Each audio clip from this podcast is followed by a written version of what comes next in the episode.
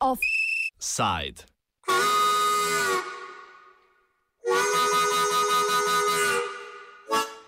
Delaj ali bodi lačen.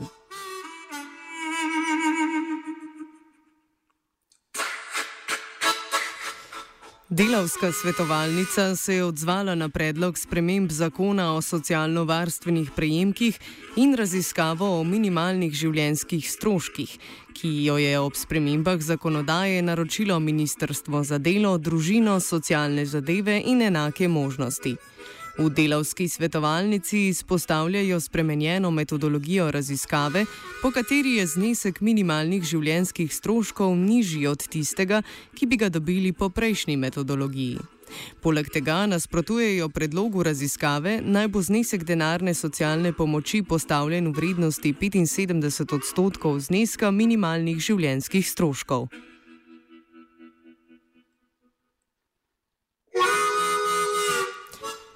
Inštitut za ekonomske raziskave, ki je pripravil dotično raziskavo, je izračunal, da minimalni življenjski stroški za leto 2016 znašajo 613 evrov na mesec. To je 9 odstotkov več kot leta 2009, ko se je na zadnje opravila takšna raziskava. Leta 2009 je raziskava inštituta za izračun uporabila dve različni metodologiji. Po drugi varianti vrednost znaša 562 evrov, kar je 9 odstotkov manj od letošnje. Po prvi varianti pa je bila ta vrednost pri 606 evrih višja. V prvem primeru je namreč inštitut za izračune upošteval 20 odstotkov gospodinstv z dna dohodkovne lestvice, v drugem primeru pa 40 odstotkov takšnih gospodinstv. V letošnji raziskavi je inštitut uporabil metodologijo, ki privede do nižjega zneska, razloži Goran Lukič iz delovske svetovalnice. V bistvu gre za izračun inštituta za ekonomske raziskave glede minimalnih ženskih stroškov in vsak izračun rabi neko metodologijo. In po podrobnem pregledu te metodologije uh, smo na delski svetovalnici ugotovili eno zelo podnarekovaj enostavno stvar. Uh, In sicer v raziskavi iz 2009 je Inštitut za ekonomske raziskave pri izračunu minimalnih ženskih stroškov še upošteval uh, torej varianto 1. Varianta 1, če povemo konkretno, kaj to je, izračunal osnove 40% gospodinstva z nadohodkovne lestvice. Uh, Medtem, ko pa pri zadnjem izračunu o minimalnih ženskih stroških, pa te variante 1 sploh ni upošteval. Zdaj, nekako za poslušalstvo, da nekako razložimo, kaj je zdaj to razlika. Če upoštevaš varianto ena, to metodologijo, potem že leta 2009 prideš do izračuna minimalnih žneskih stroškov do zneska 606,32 evra. Če upoštevaš varianto dve, varianta dve je pa zgolj 20% gospodinstva z nadnohodkovne lestvice, pa je 2009 uh, eh, ta inštitut prišel do izračuna minimalnih žneskih stroškov v višini 562,07 evra. In glede zlomka, takrat 2009 so uporabili to številko na Ministrstvo za delo, zato da so rekli, da so uskladili neto znesek minimalne plače z minimalnimi življenjskimi stroški, kar ni res. Ker če bi v bistvu upoštevali varianto 1, bi mogel biti že 2,9 neto znesek minimalne plače 606,32 evra, torej že 2,9. Zdaj, v tej raziskavi iz 2017, pa te variante 1, torej teh izračun na podlagi 40% uh, gospodinstv z naddohodkovne porazdelitve, sploh ni. Torej, v bistvu ta metodologija očitno odpadla uh, in je samo še varianta dve, torej 20% dohodkovne, pardon, 20% gospodinstva zna dohodkovne lestvice. In so na podlagi tega za uh, podatke uh, iz 2016 ugotovili, da je minimalni ženski strošek uh, pač po teh uh, zadnjih podatkih uh, 613,41 evra. Zdaj, seveda, če to skupaj povežemo, kolikšni bi pa bili ti minimalni stroški v letu 2016 po varianti 1. Ne vemo, zaradi tega, ker teh izračunov Inštitut za ekonomske raziskave ni dal. Inštitut za ekonomske raziskave je argumente za pridnost metodologije, ki upošteva le 20 odstotkov gospodinstv, podal že leta 2009. Citiramo. Kaže, da je leta 1998 uporabljena metodologija primerna v določenih pogojih. Ko so osebe na dnu dohodkovne porazdelitve resnično revne in za hrano porabijo tretjino ali več svojih razpoložljivih sredstev. Pri nas v današnjem času pa ne deluje več dobro, ker po deležu izdatkov za hrano in brezalkoholne pijače v izdatkih za življenske potrebščine sodimo med razvite države. Absolutno in realno nizka minimalna plača in tudi povprečna plača pa ne omogoča, da bi minimalni dohodek opredelili na primerni ravni, primerni glede na minimalne življenjske stroške. V nasprotnem bi zelo resno ogrozili motivacijo za delo in bi upeljali nesprejemljiva razmerja med denarno socialno pomočjo in najnižjimi plačami oziroma med socialnim varstvom in trgom dela. Zaradi tega temelji spremenje, temelji spremenjena metodologija na deležu izdatkov za hrano in brezalkoholne pijače v izdatkih za življenske potrebščine 20 odstotkov gospodinstv z najnižjimi dohodki in ne 40 odstotkov. Konec citata. Ena argumentacija torej predpostavlja, da v primeru višjega zneska minimalnih življenjskih stroškov ljudje upravičeni do socialne pomoči ne bi imeli več motivacije za delo. Lukič meni, da je ta argument političen, nestrokoven in ostaja na ravni moraliziranja.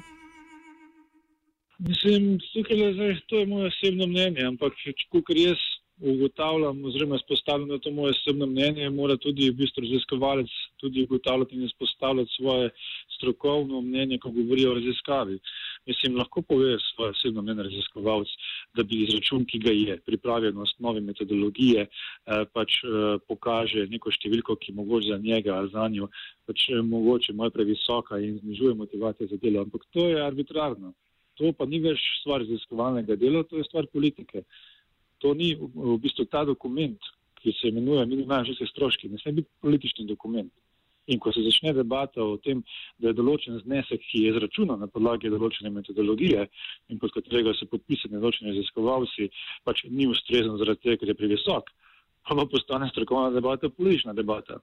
Mene je zelo žal, da v bistvu potem nekako tukaj se začne pisati o tej motivaciji za delo in tako naprej. Mislim, da ti mi razložiti že zdajšnji znesek minimalnega semenega dohodka, recimo 297 evrov, kakšna je bila vse zgodba okoli tega, da je že takrat 2010 v bistvu bil eh, znesek spolitiziran iz izračuna.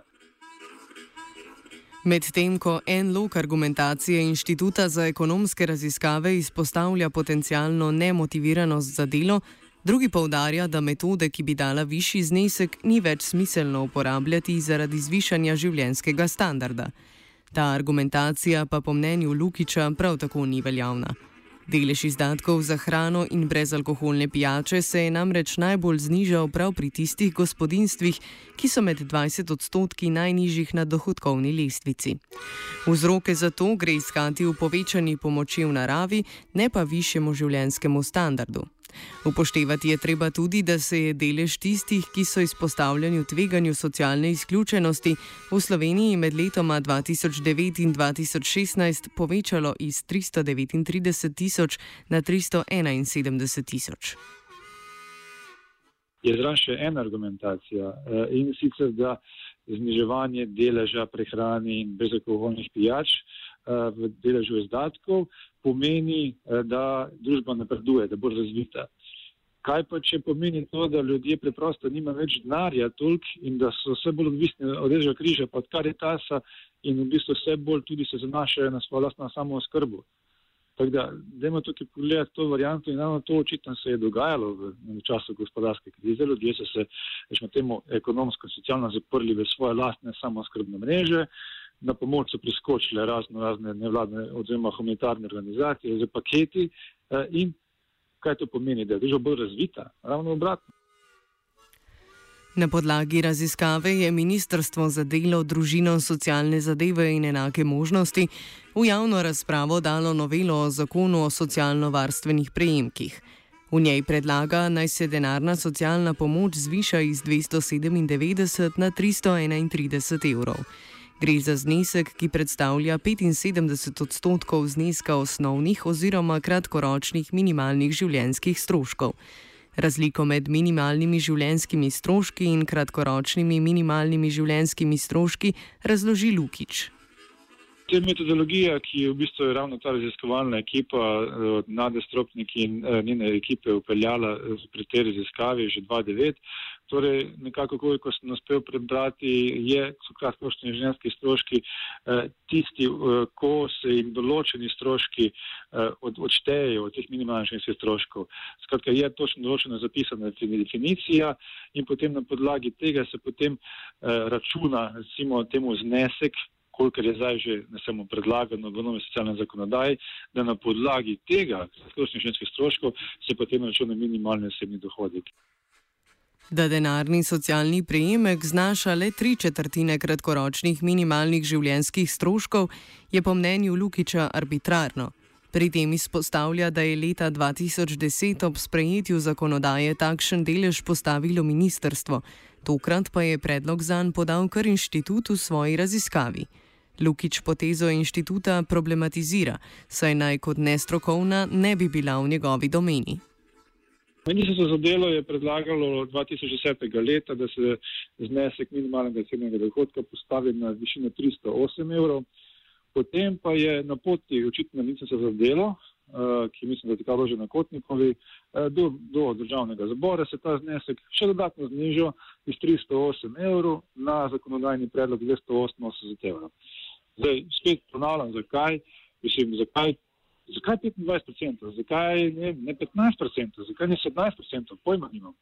Torej, kje je zdaj ta strokovno utemeljena, objektivna uh, argumentacija, na osnovi katere se reže 25%. Če je izračun takšen, kakšen je na osnovi te metodologije, potem je to stvar raziskovalca, da tam naredi piko in da argumentira jasno in glasno, zakaj je to. Ne pa da potem, ker reče, da nas je spremljivo, da se potem ta znesek eh, postavi na 75% zneska, ki smo ga izračunali. Če recimo naredimo primerjavo, leta 2009 je bil potem po tej metodologiji kratkoročnih ženskih stroškov minimalni osebni dohodek izračunan v višini 385,08 evra, ampak, vedno je ta ampak, uh, je potem se naenkrat skozi to sito ministrstva pa zakonodajnega telesa znižal na znesek 280,71 evra, torej za četrtino, ko je pristal v zakonu. Zdaj je pa ista zgodba. Zdaj pa se izračuna ti kratkoročni ženski stroški na višini 441,26 evra, oziroma nekaj več kot 441 evrov in v bistvu že samo poročilo napiše, da pa uh, naj se to pač, uh, da je spremljivo za raziskovalce, da se to v bistvu zniža za 25%, uh, oziroma da je na 75%. In potem spet pridemo do zneska 331 evrov. Zakaj to znižanje? To pa vprašate raziskovalce pa ministrstvo. Jaz se še enkrat ponavljam, če se izračuni takšni, kakršni so, potem ne moreš arbitrarno določati neke zneske, ki ti niso všeč, ker so pač takšni izračuni, kakršni so. Uh, ampak še enkrat pa podarjam, pri teh izračunih je seveda težava, o kateri sam izpostavljam, tudi več potem selektivna uporaba določenih metodologij. Uporaba tiste metodologije, po kateri je izračunani znesek minimalnih življenjskih stroškov nižji, vpliva tudi na določitev minimalne plače. Ministrica Anja Kopač Mrak namreč povdarja, da po novi formuli neto minimalna plača ne more biti nižja od zneska minimalnih življenjskih stroškov. Stranka Levica opozarja, da je minimalna plača kljub temu pod pragom tveganja revščine. Zato je pripravila pobudo za dvig minimalne plače iz 613 na 700 evrov neto, kar je 20 odstotkov več od minimalnih življenjskih stroškov in 10 odstotkov več od praga tveganja revščine. Pobudo predstavi poslanec Levice Miha Kordiš. Uh, ja, v Levici smo sprožili akcijo za dvig plač, osnovano na redefiniciji in dvigu minimalne plače, zato ker so primerjalno vzete plače v Sloveniji uh, sila nizke. Od 2015 do danes so korporativni dobički samo v Sloveniji porasli za 70 odstotkov na 3,2 milijarde evrov v enakem razdobju se je pa minimalna plača zvišala za 1,8 evrov. Skratka, manevrski prostor tudi znotraj kapitalizma za dvig delovskih dohodkov je in edino pravilno, eh, in edino pravilno strategija je, da se po temu vzvodu dviga minimalne plače tudi poseže. Mi predlagamo tri, tri stvari v tem našemu predlogu. Prvič, da se minimalna plača dvigne na vsaj 700 evrov. Drugič, da se um, osnovne, os, najnižji plačni razred v osnovnih plačah izenači z ravnjo minimalne plače, ne pa zdaj, koliko so plačni, osnovne plače pogosto pod uh, ravnjo minimalke in zaradi tega ljudje pridejo do uh, cifre minimalne plače šele z različnimi uh, dodatki. In tretjič predlagamo tudi način izračunavanja minimalne plače, ki bi s tem postal zakonska materija, zato da bi lahko minimalna plača vedno prehitevala prak tveganja revščine. Rad bi dodal še naslednje. Eh, res je, da govorimo o minimalni plači in o plačnih razredih tik nad minimalno plačo, ki zadevajo tako 120 tisoč eh, delovno aktivnih um, prebivalcev v Sloveniji, ampak minimalna plača hkrati predstavlja tudi plačno sidro, tako strukturno kot zakonsko in zaradi tega bi se posledično dvignile tudi vse ostale plače. Mogoče ne čisto takoj, v doglednem času pa zagotovo. Offside je pripravila Zala.